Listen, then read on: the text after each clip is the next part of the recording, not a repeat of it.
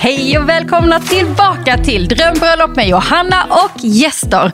Åh, nu känner man väl ändå att våren sakta är på väg va? Och den här veckan gästas vi av ingen mindre än Filippa Rodin. Denna fantastiska kvinna, jag får säga att jag blev lite kär i henne under inspelningen. Vi har träffats en gång förut men den här gången så nosade vi på sånt där som jag brinner för. Förhållande, äktenskap, teamande. Det där som faktiskt kommer med att säga ja till varandra och att ingå äktenskap för att man vill dela hela livet tillsammans. Men såklart så lyssnar vi in på planeringen av deras drömbröllop.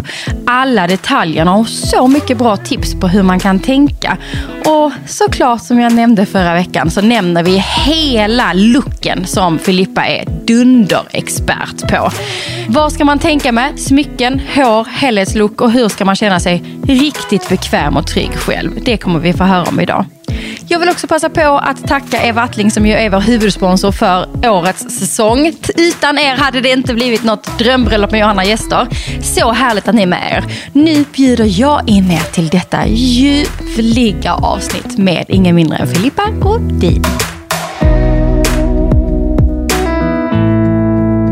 It's what you're doing that's making me feel like I'm falling Yeah, I'm falling in love då är jag så glad för min gäst som jag har med mig. Eh, en gammal bloggkollega faktiskt. Vi eh, träffades på en, eh, en julmiddag precis när jag klev in på samma bloggforum. Men det är väldigt länge sedan och nu är vi långt ifrån varandra när vi spelar in i dessa tider. Jag säger välkommen till Filippa Rodin! Tack så hemskt mycket! Gud vad roligt Johanna att jag får komma till dig. Och, alltså, när du säger att vi träffades på julmiddag. Jag har så positivt minnet av dig. Du är energifylld och härlig så det känns extra roligt att vara här.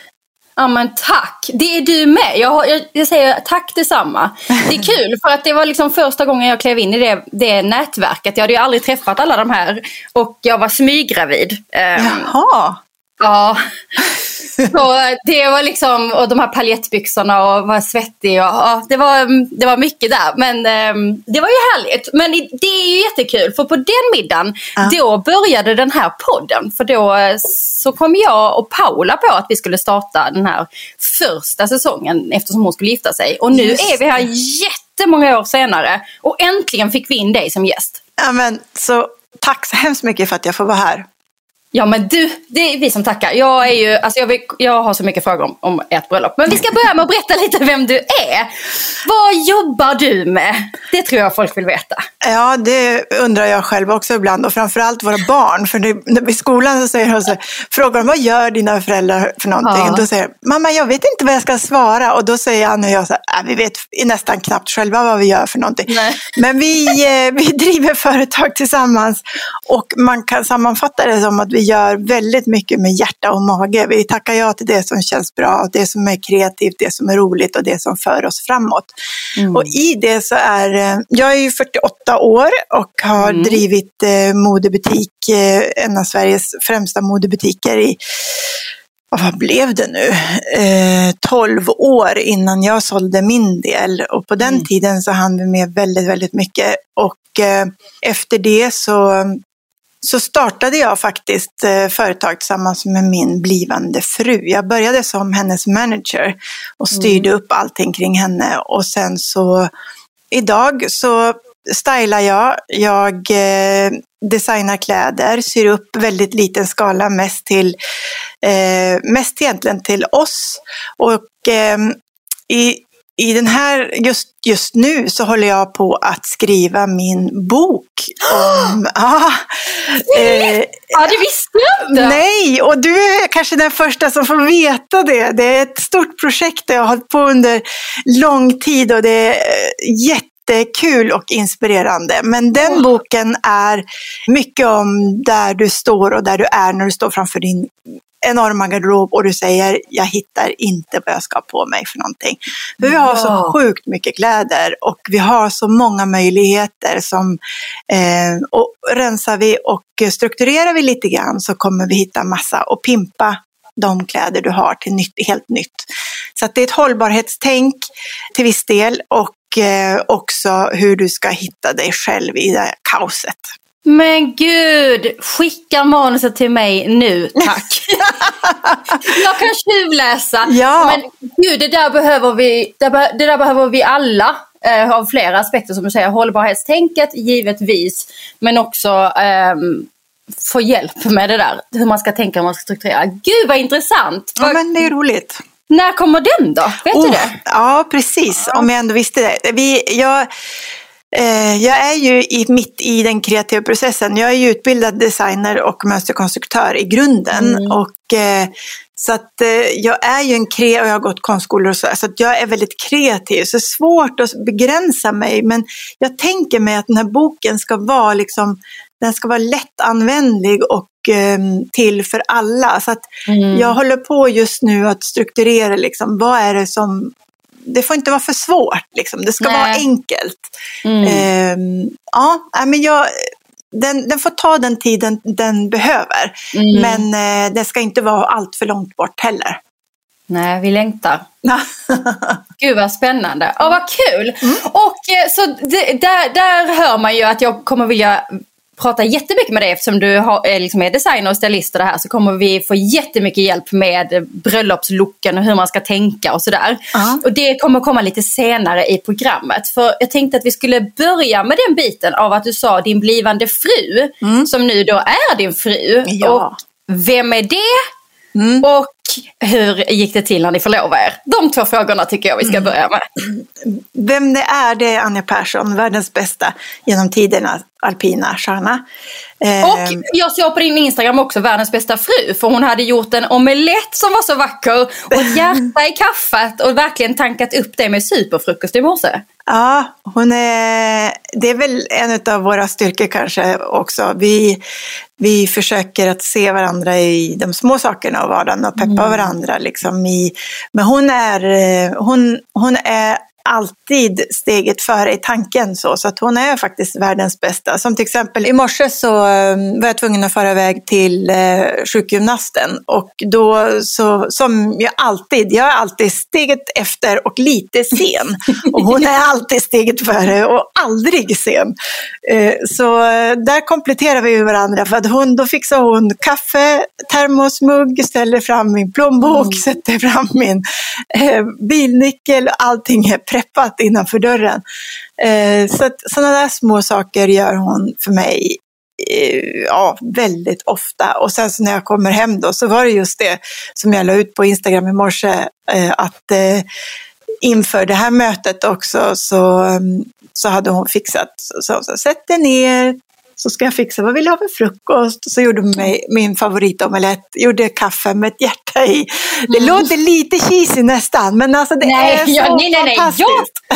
Jag, jag tycker inte det låter cheesy, jag tycker det låter alldeles underbart. Och det är ju som du säger, det är både stort och litet på en gång. Ja. Alltså, men det är ju det här som är den här kärleken och att se varandra och tanka på och hjälpas åt som du säger. Um, hur länge har ni varit tillsammans? Sen 2007 eh, blev vi tillsammans, vi har varit tillsammans länge. Mm. Vad är det för, för år nu, ja, höll jag på att säga, 2021. Ja. ja, då kan folk räkna. Då kan folk räkna att det är många år och att det är väldigt bra relationstips som kommer här. Men då, då, eh, det här med att tanka på varandra och se varandra, det tycker jag man märker också om man följer er på Instagram så får man se glimtar av det här som, som man kan tänka är ganska litet men som gör så mycket av att man känner er kärlek för varandra. Mm. Eh, och liksom tankar på äktenskapet på det sättet. Och det är väldigt fint. Men okej, okay, en fråga där innan vi går in på förlovningen då. Mm. Hon är alltid i tid och du är alltid sen. Mm. Ni, är det här någonting ni irriterar er på varandra? Alltså nu måste jag bara ändå få lite upprättelse för jag har blivit bättre på att komma i tid. Jag jobbar ska... på det. Det är också ja. en sån där sak som man faktiskt måste vara lite, för det är klart, är man är man aldrig sen. Hon har ju jobbat med hundradelar i hela sitt liv. Ja. Så, så är man aldrig sen så är det såklart att om någon alltid är sen, eller oftast, så är det klart att det är ett störningsmoment. Och då måste man ju jobba på den biten själv, för mm. det vill man ju. Man vill ju liksom vara den bästa för, för den andra. Så jag är mm. faktiskt, nu är jag knappt sen, eller sen är jag, men jag är knappt försenad ska jag säga. Så jag jobbar på det. Men eh, ja. ja. det kan vara lite störande ibland såklart. Men det är liksom inget så här jättestort problem. Det är inte så att ni har, för jag tänker det här, många förhållanden och äktenskap, alltså just sådana här olikheter kan liksom bli ett ständigt bråk år efter år efter år för att man inte ändå har accepterat varandras olikheter. Även om det såklart är ett störningsmoment mm. så behöver man kanske ändå acceptera att det är så här okej, okay, men då hjälper jag till lite så att du kanske inte är så sen. Istället för att bara stå och skrika, nu är du sen igen, varför är du alltid det? Så det låter ju ändå som att det finns en acceptans i det, även om du vill jobba på det och sådär. Nej, men jag tror att det är en kombination. Alltså jag tror det är ju så med, med förhållande och, och, dagens människor att vi har ju väldigt, vi är väldigt, vi vill framåt, vi, vi vill ha, eh, matas liksom med nyheter och kickar hela tiden och mm. det är lätt liksom i ett förhållande att man stagnerar, att man tycker att det är tråkigt och att man hakar upp sig på det som är fel. Mm. Och där så krävs det ju att man jobbar på sin acceptans, att man alltså inte lägger energi på just det. Eh, mm. Och sen också att man faktiskt gör någonting åt äh, saker som, som är störningsmoment själv, att man inte accepterar, men så här är jag. Ja, det är klart, Nej. så är jag, men jag kan ju också förändra mig. Eh, mm. Och sen så tror jag väldigt mycket, för Annie och jag, vi har gått och går i terapi kontinuerligt och det är också för att inte stagnera, inte liksom hamna i det här som gör att eh, man, man kommer till ett läge där man känner att man inte står ut med varandra längre. För vi vill ju leva resten av livet tillsammans. Och med, med, livet så förändras man också som person. Så hela tiden utvecklas man och då gäller det också att, att utvecklas med utvecklingen och mm. tillsammans. Så jag tror att det är otroligt viktigt eh, just, eller för oss är det viktigt i alla fall med att gå i terapi. Inte för att det är dåligt utan för att, man, för att det inte ska bli dåligt. Eh, och jag tror liksom, just det här också med Eh, precis som du säger, att, att stå och skrika på någon, det gör ju inte saken bättre.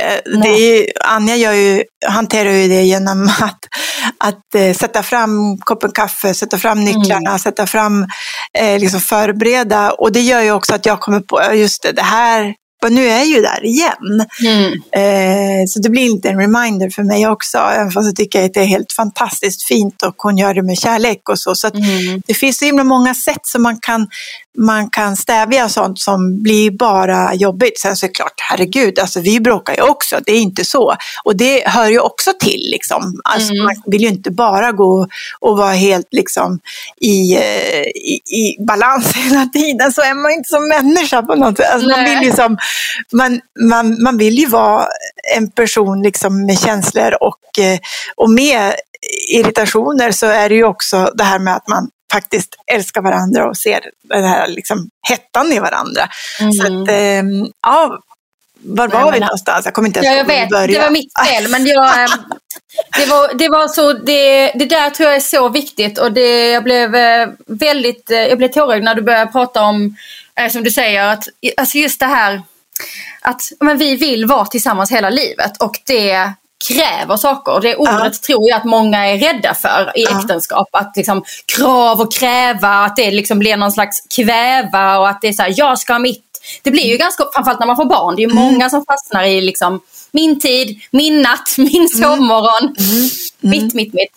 Um, och det, det, det där är så viktigt. Och för någon är det parterapi och för någon är det att man själv har liksom ja, men checkups tillsammans, att man liksom sitter ner och pratar igenom de här grejerna. Men bara just att man förstår att vi måste investera in i vårt äktenskap hela tiden. För mm. som du säger, vi förändras. Du mm. förändras, jag förändras och vi vill vara tillsammans hela tiden. Så vi behöver liksom själva eller ta hjälp och fortsätta att investera i det. Och liksom, ja men det är så fint. Gud. Um... Jag, och jag tänker så här, just det du säger om barn, för det är ju när barnen kommer in i, i livet som det blir eh, mest liksom ansträngt egentligen, eller prövat mm. kanske man ska säga. Innan mm. så går det ganska bra så, men det är ju då, det är då tröttheten, man har inte sovit så mycket, tidsbristen, ungarna har aktiviteter, ett, ett, ett eh, livspussel som ska liksom, logistiken ska sättas liksom så. Det är då man mm. börjar liksom, det börjar gnissla lite grann. Mm. Och jag tror också så här att Eh, eller jag eh, i alla fall har lärt mig väldigt mycket. Liksom, att det handlar ju inte om att det är kritik mot mig, att eh, jag gör att jag är på ett visst sätt eller så. Det är inte fel att jag är som jag är, men jag kan göra det på ett annorlunda sätt. Alltså, mm. Och jag tror att där måste folk också liksom förstå och tänka att eh, det handlar inte om kritik, utan det handlar om utveckling.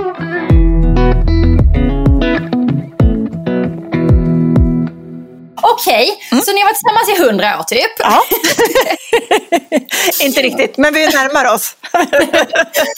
och eh, jag har ju tjuvläst på din blogg. Om man går in på min blogg nu när eh, podden släpps så kommer jag länka till lite olika inlägg. Och där fanns bland annat ett inlägg eh, om eh, hur det gick till när ni förlovade er. Eh, det här frieriet. När var det och hur gick det till? Eh, jo, men vi förlovade oss 2011 eh, och egentligen så var det så att ehm, jag hade mm, vi hade väl pratat lite löst så här om att vi, skulle, att vi ville förlova oss. Det var ju liksom någonting som, vi ville ju gifta oss, det var ju väldigt tydligt och klart och bestämt mm. och så.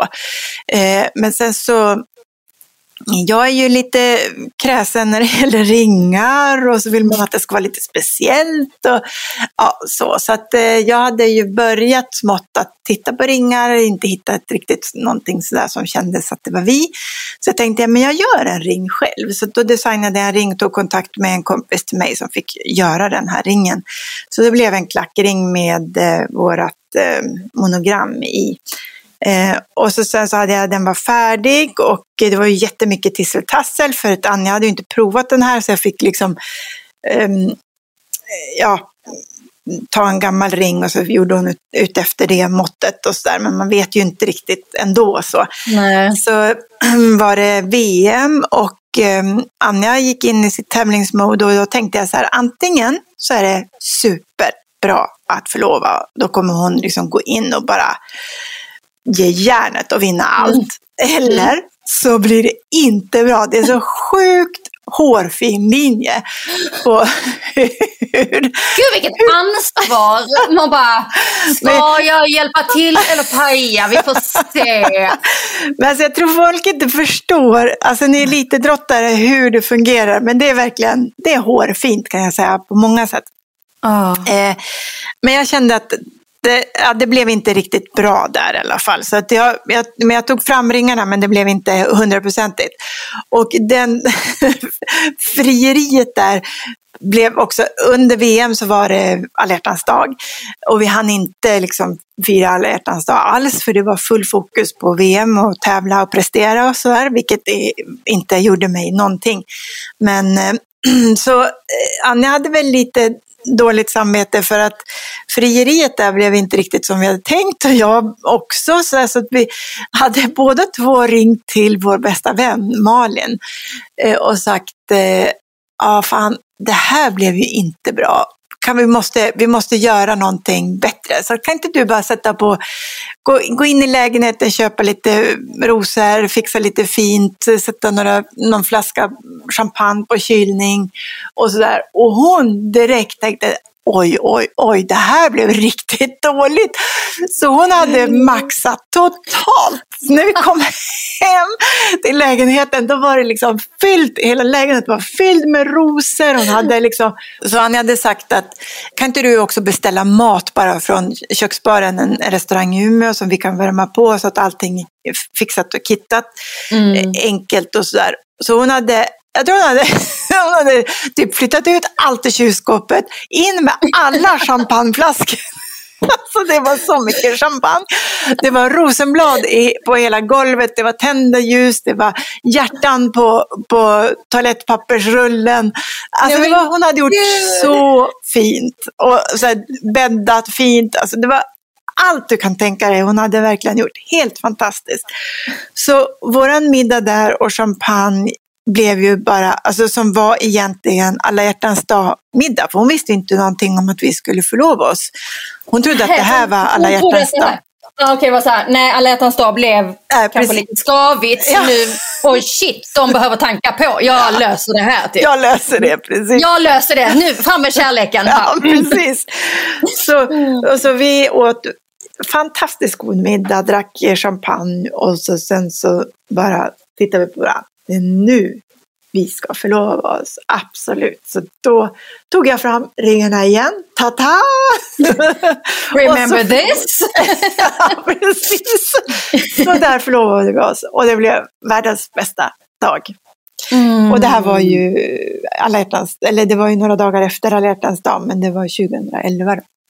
Men gud vad fint! Mm. Och vilket sätt att teama upp. Det där säger ju ganska mycket om att okej, okay, vi, vet, vi vet hur vi hanterar varandra. Vi vet hur vi hanterar med och motgångar. Och vi liksom vill båda två samma sak. Det blir ju sån otrolig symbolik i så som ni nu så här många senare, år senare lever i ett äktenskap, känner jag där. Ja, men det är väl lite så också. Det är klart att man blir lite, lite snopen, lite trumpen när det kanske inte blir riktigt som man har tänkt. Men det finns, man har alltid en andra chans liksom, att rädda upp det. Oh, så viktigt. Oh. Åh, oh, vad fint. Vet du, det är ju så många som, när det är en som ska fria i smyg, liksom, som har ordnat allting och så ska det då frias. Den dagen, det har jag sagt i många avsnitt av den här podden, men den dagen så bråkar man ganska ofta. För att eh, det blir jätteskavigt. För att den som har preppat, den är ju liksom nervös och har en bild av hur det ska vara och alltihopa. Den andra vet ju inte om. Nej. Så att den där, den där kärleksfulla som liksom håller på med saker och är lite, kanske lite hispig, lite konstig, det är man ju såklart. Man är nervös.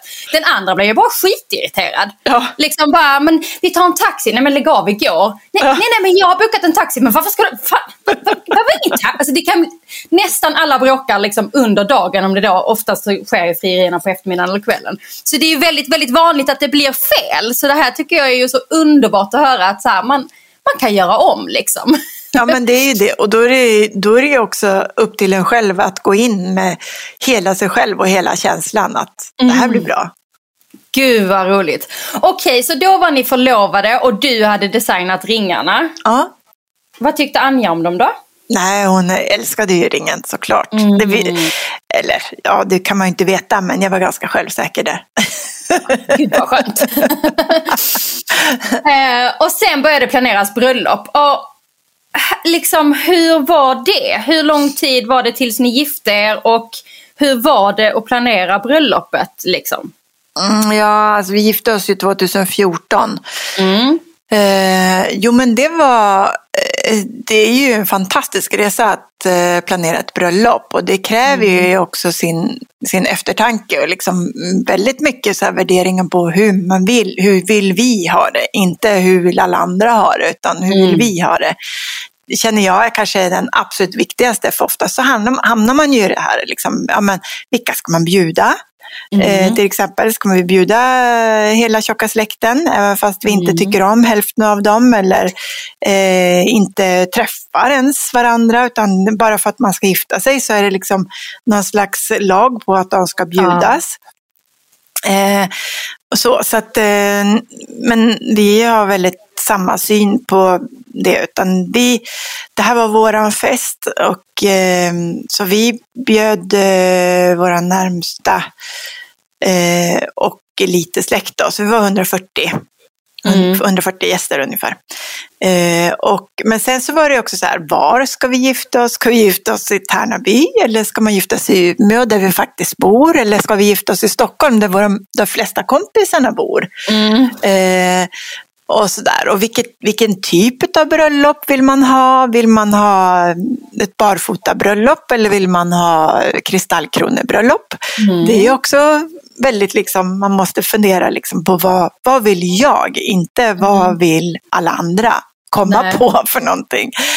Eh, så att vi, vi tittade runt ganska mycket på olika typer, eller om vi ville vara utomlands tittade vi också på om vi skulle vara det, men det är också sådär, jag som är mitt kontrollbehov känner ju att eh, det blev lite utanför mig att gifta sig utomlands. Då har man liksom inte den här kontrollen. Eh, nej, kontrollen precis och access till att gå dit och, och, och liksom dra i en eh, dukkant typ. nej, nej men... jag fattar helt. Alltså, jag, jag, gör, jag har jobbat som bröllopskoordinator i tio år och jag gör inte utomlandsbröllop för jag känner också men jag kan inte kontrollera och kvalitetssäkra. Det känns nej. för lätt läskigt liksom. Man måste nog vara lite, lite mer så go with the flow och det löser sig. Och mm. det, bli, det blir på ett ungefär bra, tror jag, om man ska utomlands. För man, då kan man, du kan ju liksom omöjligen, det är ett annat språk och alltihopa. Med, så att nej, jag, I hear you. Att det, man, det är väldigt bra. Det, ty, det tycker jag är ett bra tips generellt till er som lyssnar som ska gifta er. Att mm. Också att gå till sig själv. Vem är jag, vem är vi och hur brukar vi vara i projekt? Ja. Hur tror jag att jag kommer vara veckorna innan? Och att liksom verkligen vara ärlig med det mot sig själv. Till exempel, ja, men jag,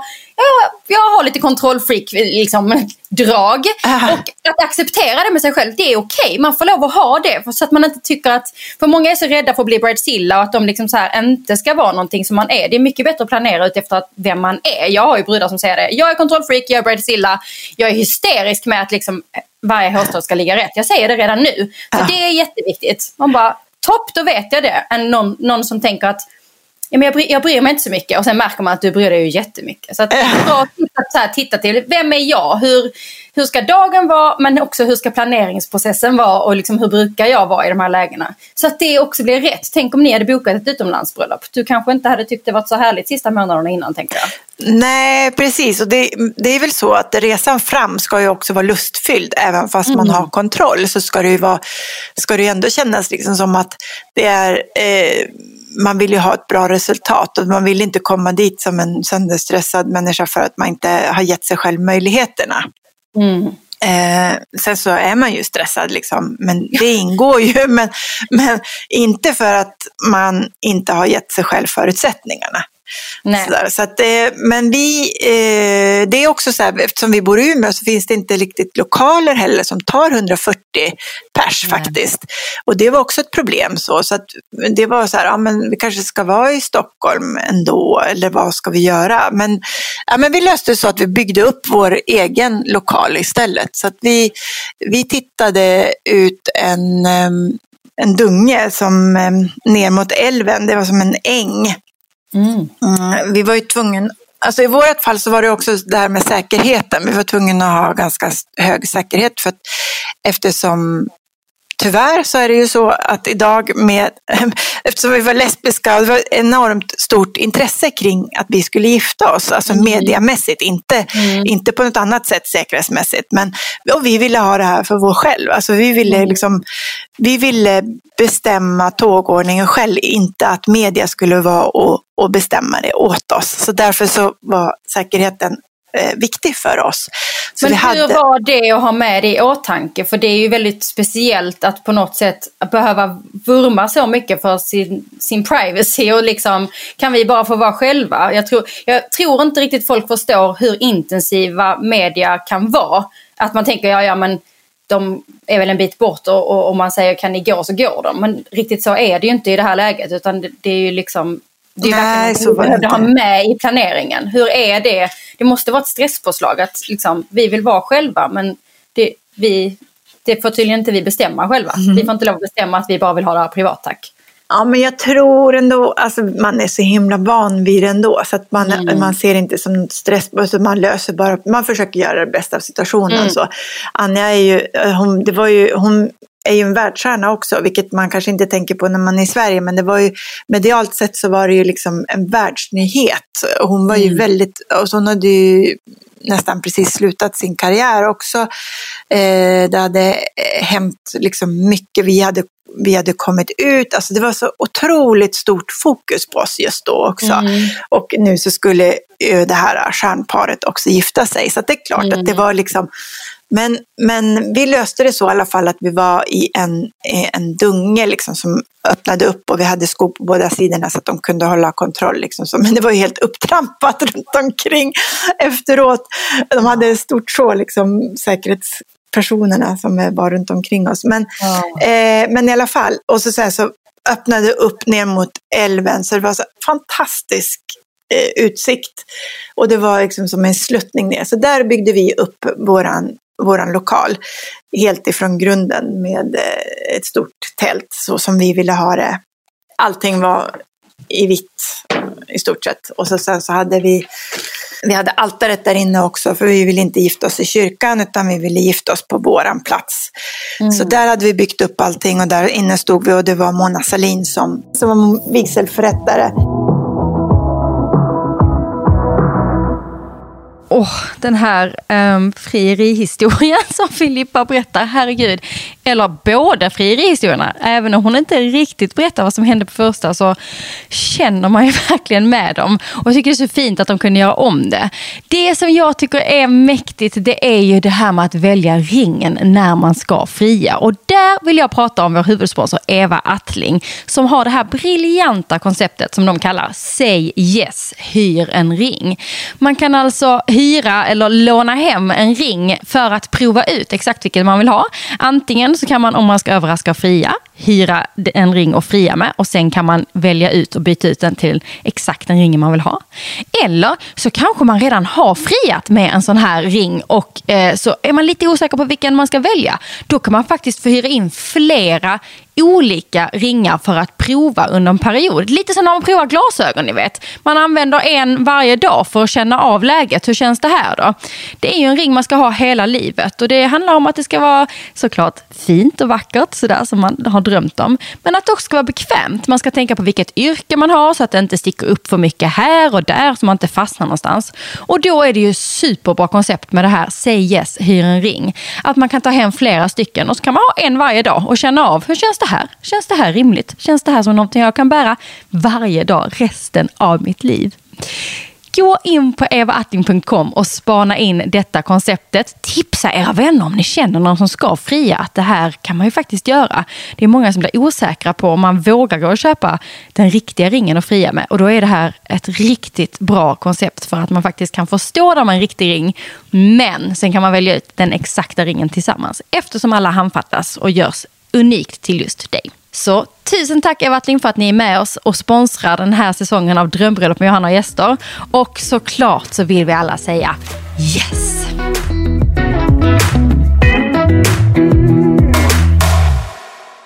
Eh, vårt bröllop var i tre dagar. Mm. Så eh, våra gäster flögs in på fredagen och där eh, de kom och hämtades med Audi hade skickat upp en massa bilar så att de blev hämtade med privatchaffisar och allting och sen så direkt iväg och så sen så hade vi ett, ett lekblock tillsammans för att teama ihop. Och här var bara, bara våra kompisar, inga, ingen släkt. eh, utan, jo, släkt som är i vår ålder och som vi umgicks med, men inte det äldre gardet och så, utan Nej. det här var bara vänner. Alla som ville leka, de var där. Alla som ville leka var där, precis. Och, eh, så då spelade vi brännboll, vi, eh, ja, vi körde en massa, och vi grillade hamburgare, vi umgicks, vi eldade, vi bara hade, vi släppte lös och hade jättekul. Och då var det fint väder, strålande, allting var tipptopp. På mm. natten mm. så kommer det världens värsta skyfall. Alltså det bara öste ner och vi hade ju tält som oh. var liksom ett kraftigt bra tält, alltså bra byggt så, så det var inte det. Men då så ringer vakten, bara, du det forsar in vatten. Vi hade vit heltäckningsmatta på golvet. Nej, nej, nej. Alltså, det, det har liksom släppt på ett ställe för de hade inte tydligen förankrat eh, duken på ett ställe. Så där igen kom det bara hur mycket vatten som helst. Heltäckningsmattan var förstörd.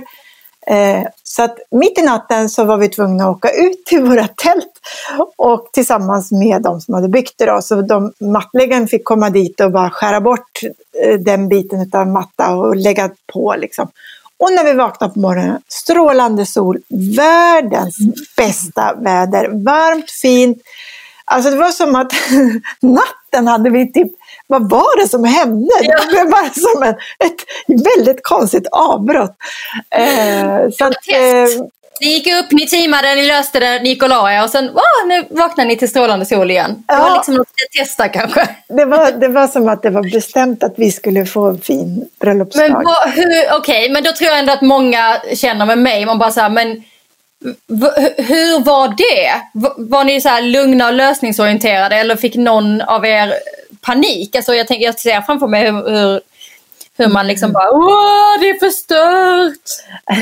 Nej, vi, alltså varken jag eller Anja är så speciellt panikslagna av oss och, och framförallt min fru är extremt lugn. Alltså hon är väldigt, väldigt sådär lösningsorienterad. Vi tog bara bilen ut, bara, bara, hur ser det ut?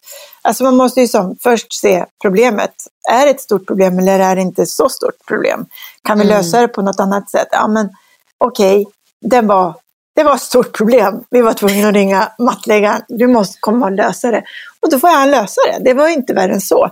Mm. När vi kommer dit så är allting fixat, allting är klart. Det är liksom, ja, problemet är borta. Så att eh, man kan inte göra så mycket mer än att, alltså lösningar finns det alltid. Hade det varit panik, ja men då hade man väl kanske fått ställa omborden så att man hade kanske ställt över bord, ett bord liksom precis där det var förstört. Jag har ingen aning, men man, man kan lösa det på något sätt i alla fall. Finns... Ja men verkligen och, och den där dagen efter bryr man sig inte så mycket heller. Man hade löst det och sen det är inte så att man bryr sig på om det var en fläck i det hörnet exakt den dagen om det nu var tvunget att bli så. Liksom. Nej.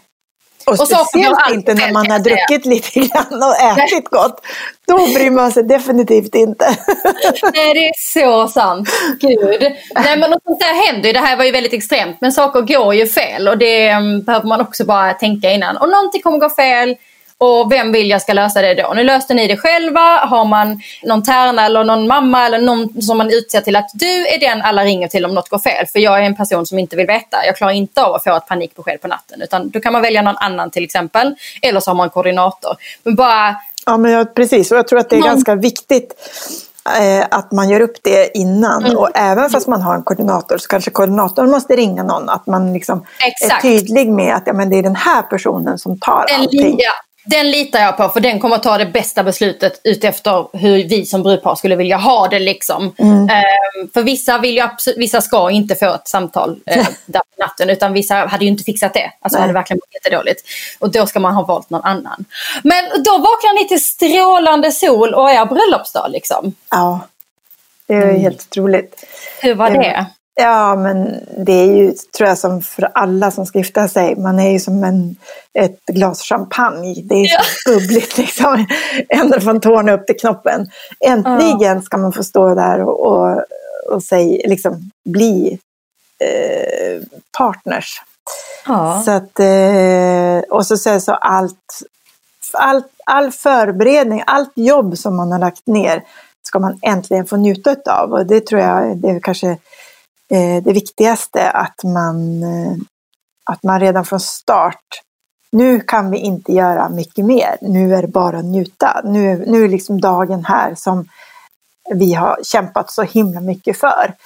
Eh, så att, ehm, ja, nej men jag tror jag bara, eller jag kommer ihåg att jag och Anja, vi tittade på varandra och bara, det är helt otroligt att alla är här för vår skull det är sådär att man, man blir bara rörd, nästan så att jag börjar gråta när jag säger det, även idag. Alltså, det, eh, och alla som kommer är ju där för att göra din dag den absolut bästa. Mm. Och bara att vila i det och så sen så göra sig redo för den stora stunden och liksom gå in med det med glädje tror jag eh, man inte får glömma. Liksom. Påminna sig också själv under dagen tills man står där och bara känner den här känslan. Värmen och kärleken som man, när man står där uppe och lovar varandra att man ska leva ihop. Och man har alla i ryggen. Så mm. klart att man är nervös när man går dit, vägen upp. Men sen när man står där så släpper ju allting. För då är det ju bara den som man har framför sig. Alltså då är det, då är det eran stund. Det är liksom, ja, det är stort. Ja. Det är häftigt. Det är. Du beskriver det otroligt. Ja, jag har rysningar så att jag liksom... Uh, det där tipset är världens bästa tips, verkligen. Nu kan vi inte göra mer, nu är det dags att njuta. Nu ska vi njuta av allt det här. Det hoppas jag verkligen alla som lyssnar tar med sig. Så mm. att man börjar njuta på morgonen och får bort alla tankar om vad som ska fixas och vad som ska dukas upp och hur det blir där borta. För man, är, man ska inte vara där ändå utan det är bara tillit till att nu gör alla sitt bästa också, alla leverantörer och sånt. Ja, gud. Så nu ska vi bara njuta. Liksom. Klänningarna, dessa äh. magiska klänningar som jag tror många skulle önska fanns. Att du kunde bara äh. göra liksom en, en, produktion på de här klänningarna. Ja. De är så vackra. Alltså. Var, hur, var kom inspirationen? Hur tänkte ni, slash du, för jag vet ju att du är stylist Ja, precis. Ja, men det, var, alltså, det är ju inte helt enkelt när man är två kvinnor som, som gifter sig. Och hur man vill... Eh, hur man vill klä sig. För det finns ju mm. många sätt att klä sig på. Men vi, mm. jag kände att jag ville att båda två skulle ha klänningar. Och, och jag tycker att det är otroligt vackert att man klär sig båda två i vitt och, ja, och man, man vill ha kostym. Eller, alltså det finns så många alternativ som är sjukt. Alltså, möjligheterna är oändliga. Men mm. hur ville jag och Anja vara klädda den här mm. dagen? Mm. Det är ju också, man måste liksom sålla och tänka till lite grann hur man vill. Och jag ville, jag ville ha kontraster eftersom vi är kontraster som personer. Så att, eh, då, därför ville jag inte att vi båda två skulle vara, ha vita kläder på oss båda två. Mm. Eh, så då valde vi att en skulle vara vit och en skulle vara svart. Så att då mm. blev det så. så sen så oj, hur hittade jag inspirationen till det? Jag kommer inte riktigt ihåg faktiskt. Men eh, jag tycker ju Anja är väldigt snygg urringad. Det är så, precis så man ska tänka. ja, precis. Och eftersom det är jag som håller i taktpinnen när det Just gäller kläderna så får jag bestämma. Och så blev det en urringning på bröllopsdagen. Perfekt! ja, men det är helt rätt. Ja, precis. Nej, men skämt åsido. Men, men jag ville ha även kontraster i klänningarna också. Så att det var mm.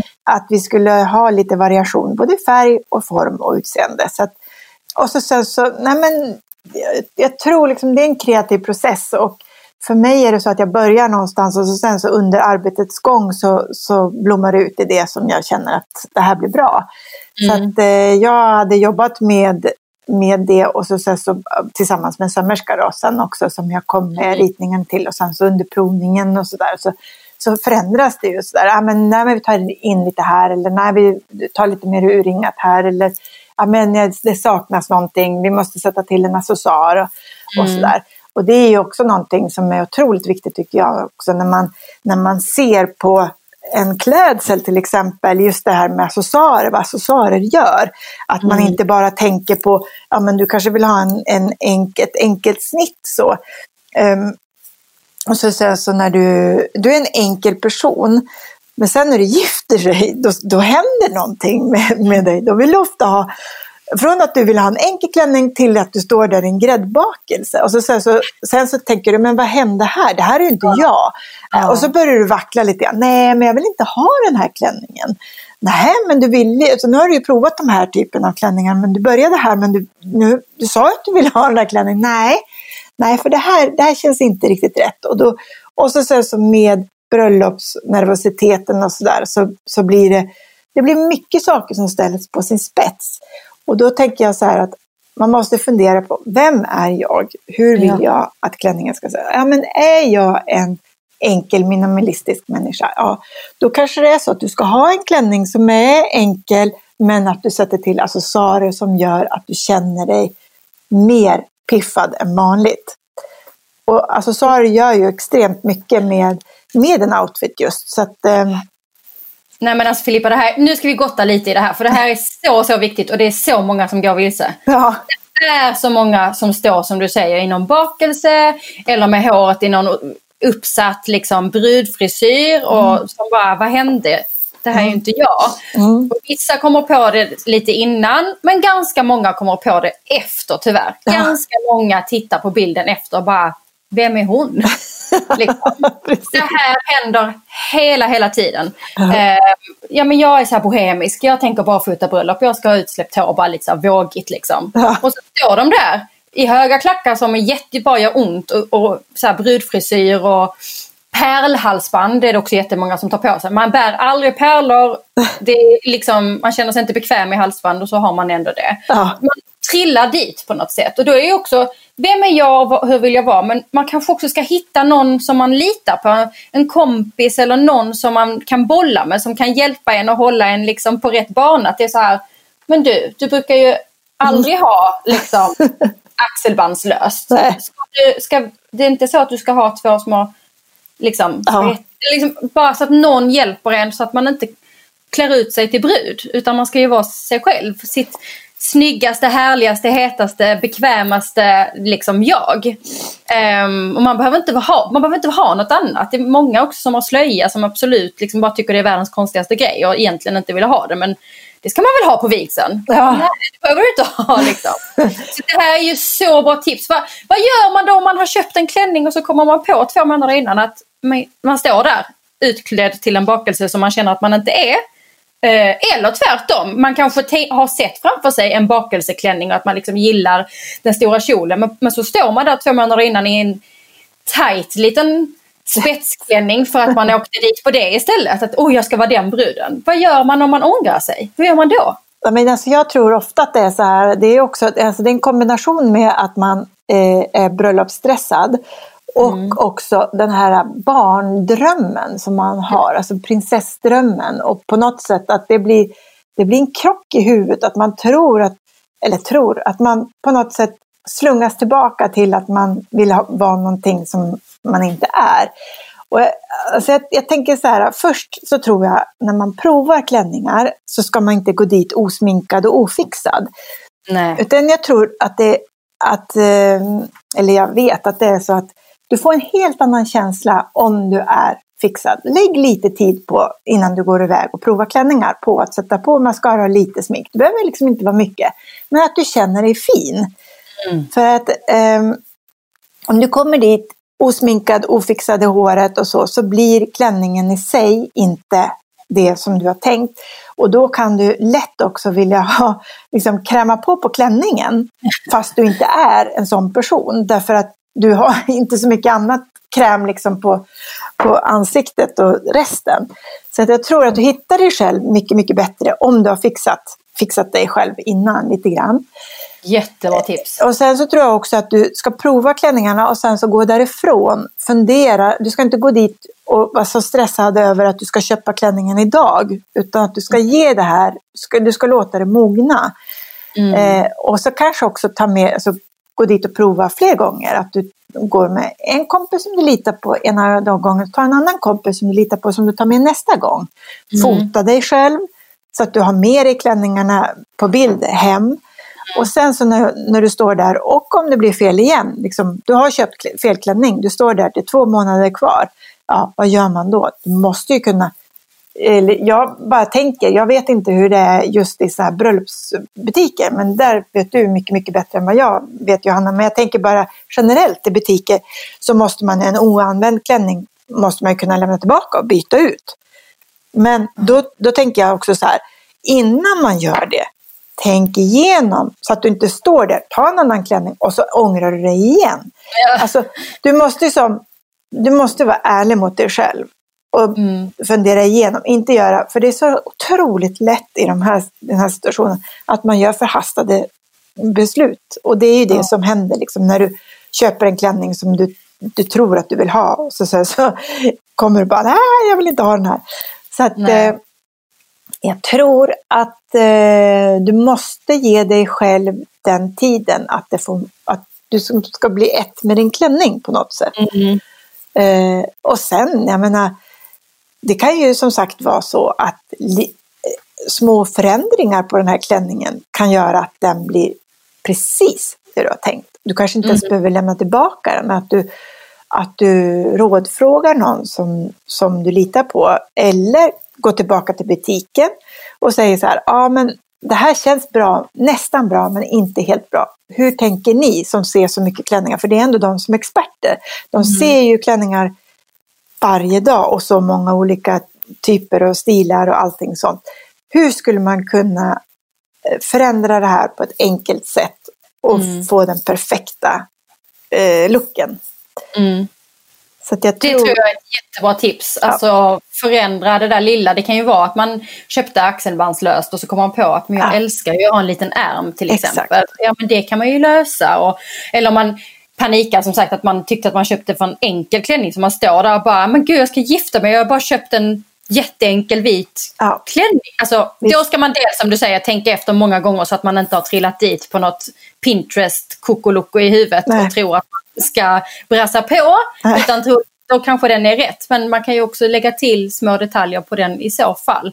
Och så tänka utanför boxen. Alltså, jag hade ett möte med en, en brud förra veckan som var ganska enkel och sådär men som eh, ah, men slöja kanske, men hon var, liksom, hon var inte riktigt slöjpersonen. Men jag var så här, men man kan göra på andra sätt då. Du kan ju ha en spetscap som du har under ja. vigseln och sätter av dig. Du kan ha, alltså det, liksom, med släp till exempel om det är det du vill åt. Alltså man kan ju göra på så många andra sätt så man inte bara fastnar i ramen. Vit klänning, ska det vara med eller utan stor kjol och slöja eller inte och sen var det stopp. Utan man kan ju göra så mycket andra grejer liksom.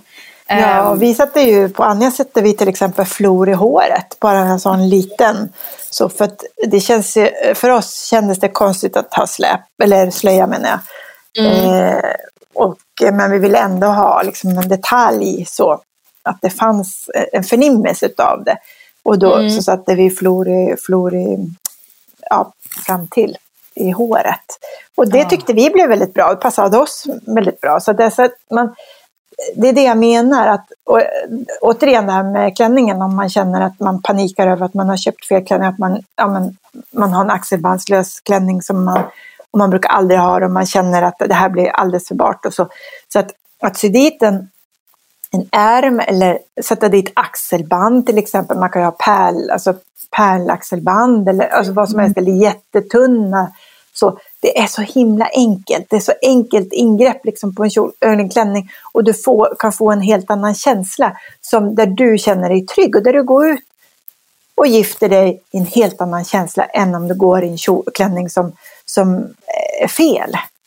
Men gud, alltså det där, och det där tror jag många av oss, jag till exempel, jag kan inte räkna ut sånt. Alltså det där är ju din expertis. Det är ju just det att, att eh, så här, om du skulle möta den här stackars bruden mm. Några månader innan så skulle du ställa rätt frågor. Mm. Och sen skulle du kunna hålla det där tunna lilla bandet och bara, men titta vilken skillnad det blir om man gör så här.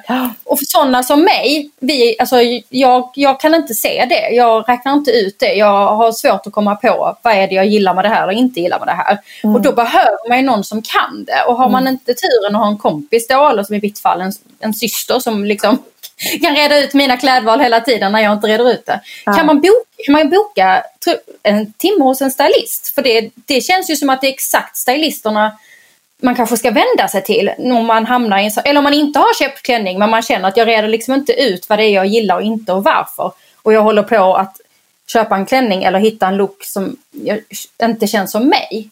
Absolut, det kan du göra. Det går ju absolut att göra. Det är egentligen... Jag bara, det slog mig nu. Alltså jag har ju inte hört om någon som är expert på just bröllop, så bröllopsstylist. Men, men alla stylister, det är ju samma sak liksom med just som look och klänning och form och sådär.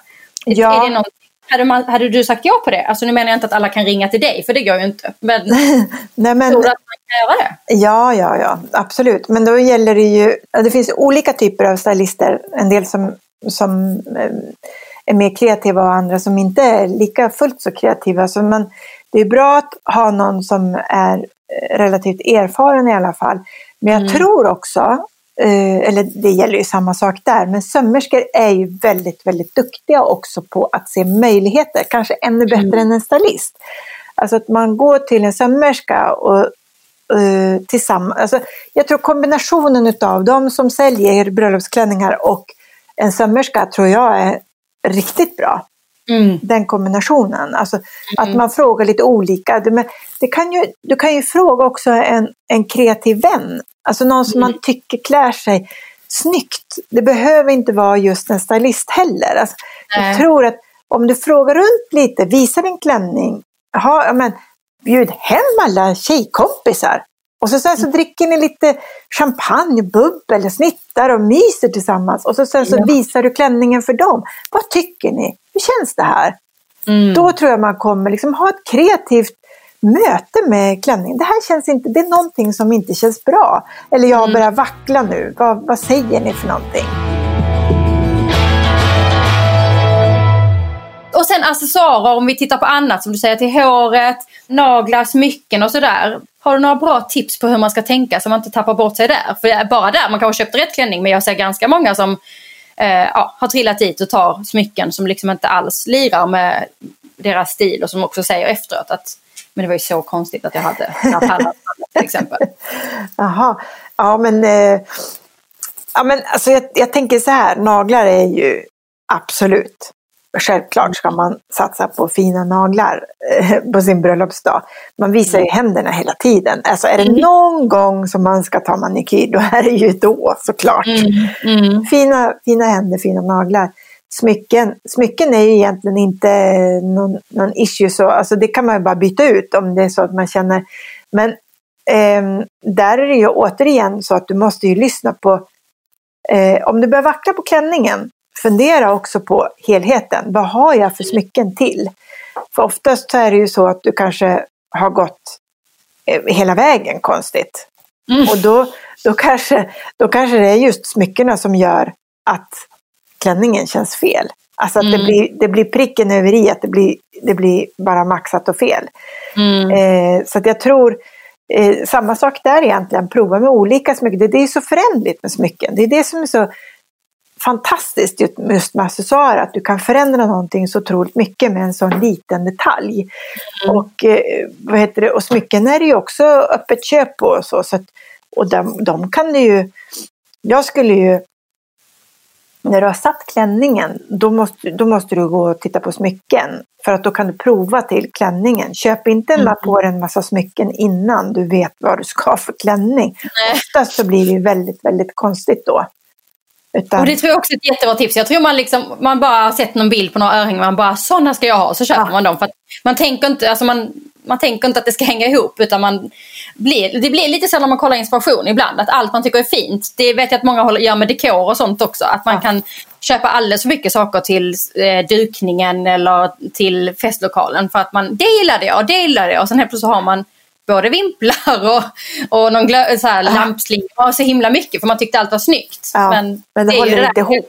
Nej, så det är jätteviktigt. Och det är samma sak med skor också. Ja men gud, mm. de här var jättefina, de köper jag. Ja, mm. Fast du har ingen klänning att ha det till ännu. Utan och sen så kanske du har ett par strassskor och så sen så till den här gräddbakelsen så blev det inte, det blev en sak för mycket. Ja, gud vad viktigt. Det är liksom klänningen, det är den som är, det är ju huvudingrediensen. Mm. Och sen så ska du krydda på med, med de andra sakerna. Så du måste liksom börja, du måste ha liksom en plan där du börjar och då börjar man med klänningen. Sen också om du har en stor klänning, precis som du säger om man har uppsatt hår eller någonting sånt där, en jättefrisyr. Ja men då kanske det blir för mycket med den här jättefrisyren. Men ta ner frisyren, ja då mm. blir det lugnare och skönare nu ja. har vi hittat harmonin. Så att jag, alltså, allting hänger ihop men du måste börja med, eh, med klänningen och sen så, sen så går du vidare till resten. Och egentligen skorna, de syns inte så mycket. Om det inte är så att du byter, byter kläder till en kortare klänning till exempel ja. på, på kvällen. Men då vill du ofta inte ha de här, vi hade ju så att vi köpte ju låga skor till dans. För att jag kände så här, eller vi kände att på vårt bröllop, då ska vi ha kul. Vi ska dansa. Vi ska inte gå och ha ont i fötterna och inte kunna Nej. dansa med våra kompisar. Så vi köpte Nej. jättefina låga skor också som vi bytte om till oss. Och sen så satt vi, eh, så att vi kunde vara bekväma i det. Och, och det är ju ett fantastiskt bra tips. Så gör vi på galer också. Vi har alltid med oss sköna skor efter röda mattan så har vi sköna skor. Men det där tror jag också, det, jag tänk, det tänker inte folk på för det kan vara precis som du säger att jag, ja, men de skorna då syns de ju sen när jag har den korta klänningen. Ja, alltså nio fall av tio eller typ tio av tio byter ju skor till dansgolvet för att, alltså, och annars, eller sparkar av sig och är barfota är ju ganska många också men just att som du säger då där vid 23 ja slash midnatt, då kommer du liksom inte ha på dig dem. Och ingen ser dina skor heller vid midnatt. Så, så att... Nej, då är det ju nästan, alltså då är det ju bättre att satsa på en riktigt snygg eh, klackad sko som inte är fullt så hög. Som mm. är bekvämare, men alltså, om du vill ha lite klack så är det ju, det är ju skitsnyggt så. Men ta ner klacken lite så att du kan dansa i den och så, sen så väljer du, om du ska, då ska ha kort klänning, då kan du satsa på skon och ha en enklare klänning till exempel. Alltså, mm. Då kan man liksom, där kan man ju jobba med accessoarerna på ett annat sätt efter bröllopet. Eh, mm. Men på bröllopet när du har en lång klänning, eh, ja, alltså det är min personliga åsikt, men då är inte skon det viktigaste. Nej, men du, jag, jag, tror också man har fallit dit på att man då har sett inspirationsbilder där, där, där skorna är fotade. Alltså du vet stillébensfotade. Så det, ja. det, det är liksom en sån också felgrej i hjärnan av alla dessa stillébensfotograferingar på alla grejerna. Ja. så då är det jättesnyggt med svinhöga smala klackar. Men det är inte prioriterat hur bilden på skon som fotografen tar på morgonen är. Utan det är viktigt att du är bekväm i skon, att du kan gå i den och stå i den och ha kul. Så det är jättebra tips. Ja, men, men och vill du ha höga klackar så ska du givetvis ha det och de här supersmala och sådär. Men, men eh, tänk ändå på helheten. Alltså mm. skon, om, om, om, du har väldigt, om du har väldigt, väldigt mycket klänning så kanske du inte ska ha en sko som är väldigt, väldigt mycket utan då kanske du har en, en snygg form på skon istället men att den är kanske lite mer dämpad ändå. Men att du får en vacker fot i den, att liksom, ja, formen är proportionerlig och jättesnygg. Liksom. Och sen, jag menar, det finns ju, vill du ha en ehm, eh, ett stilleben på en sko och så, det, men det finns ju skosmycken som du kan hänga på just för fotograferingen eller alltså där man inte ser hela klänningen och hela skon utan du kan ju som, ja, just för det här fotot så kan du ju få en, en sko som tar för sig lite mer men att du plockar bort det sen när man ser helheten med, med klänningen. Alltså man kan göra så himla mycket. Det är ju... Ja, så intressant. Det, Gud vad det är ju, Men jag tror att om du är en, en enkel person så kanske, och du känner panik, Sen så vissa vill ju ha all out på allt. Liksom. Ja men ja. kör på det, härligt. Det är ju underbart liksom. Men då är det ju den personen som också älskar att titta på bröllopsfotot sen och bara åh vad underbart. Okej, okay, men då tänkte jag att vi ska hoppa tillbaka bara till eh, ni gick till vigseln och vigselplatsen hade ni byggt upp. Var det utanför tältet då eller var det inuti? Ja, men vi hade som en för, eh, ja, man kan säga ett, ett, ett förrum kan man säga, där vi hade vigseln.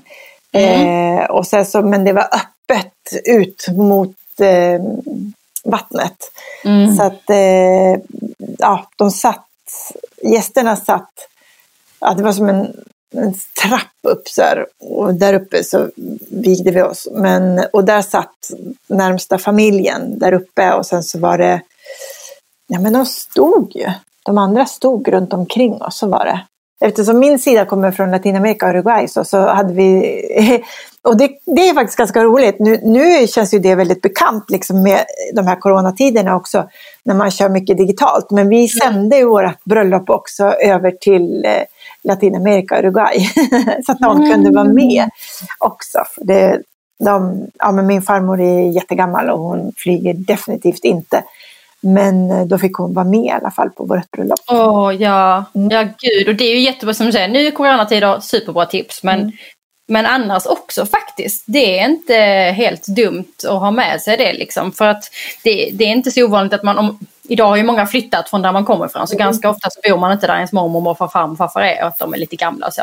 Mm. Komma ihåg det att filma det så att de får det efteråt. Men det är ju ännu häftigare för dem såklart att, att kunna få se just vigseln live. Liksom. Ja, men precis. Det är ju stort, ett stort moment som man gärna vill dela liksom också med, mm. med dem. Och, eh, ja, det är ju jättestort för dem. Det är större för dem att få vara med just när det händer än att se det i efterhand.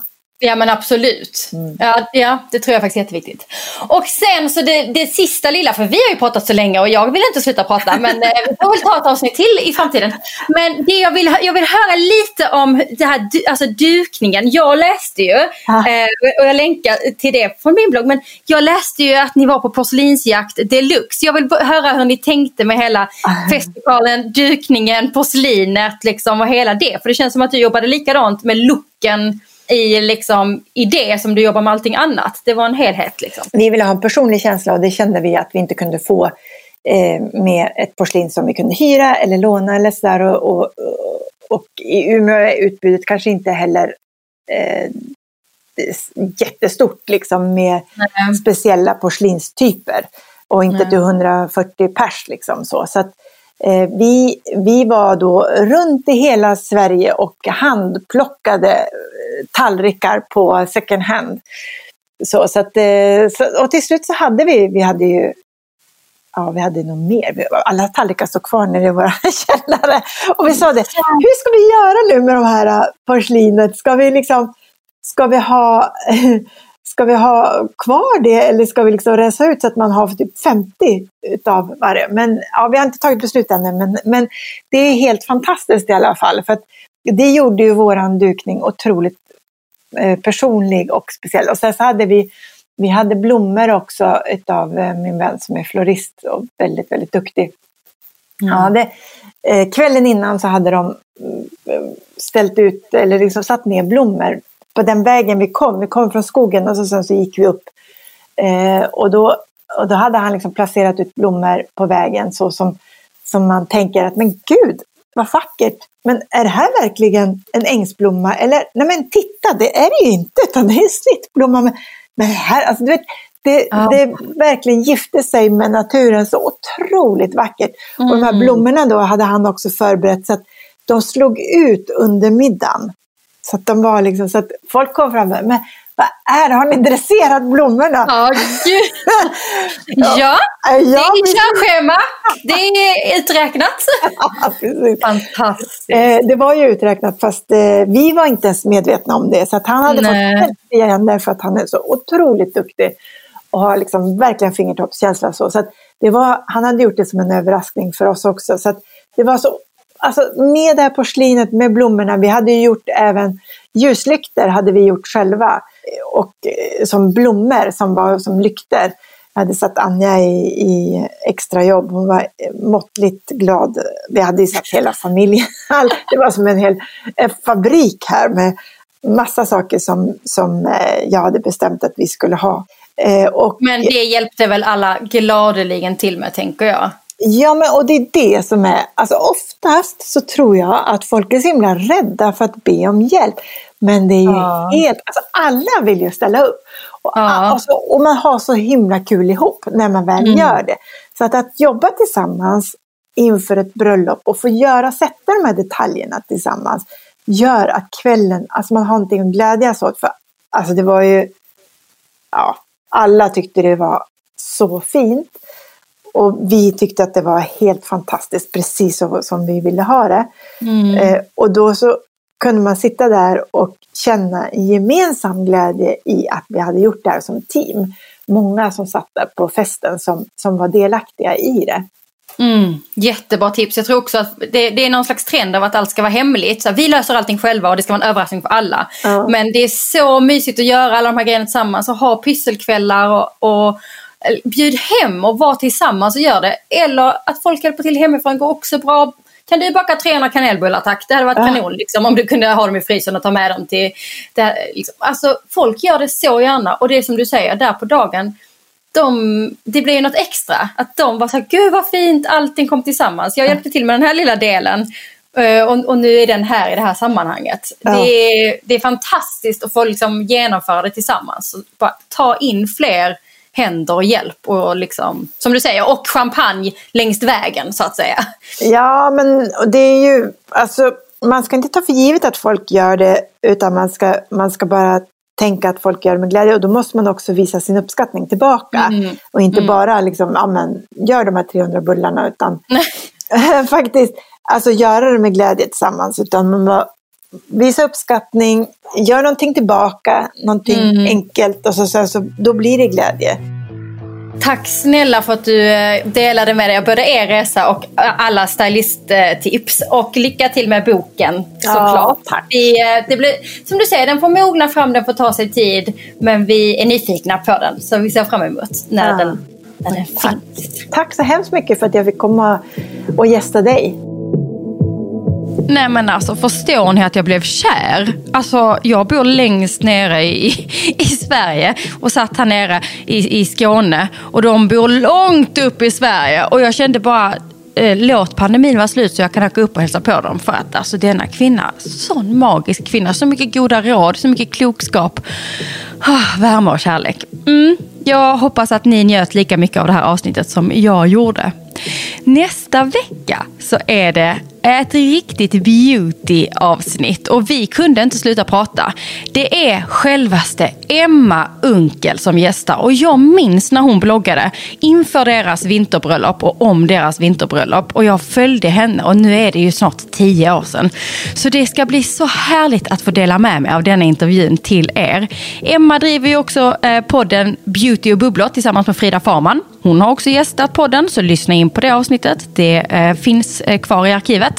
Så att Emma är ju en riktig beautyexpert. Så här, förutom att vi får höra allt om hennes bröllop, vinterbröllop, att ha en liten bebis när man planerar bröllopet och ska gifta sig, så får vi en massa tips på hur man ska tänka med huden, sminket och förberedelserna inför den stora dagen. Jag hoppas att ni lyssnar in nästa vecka och som sagt, Emma och jag ville aldrig sluta prata så att häng med så länge. Ha en superfin vecka. Hej då!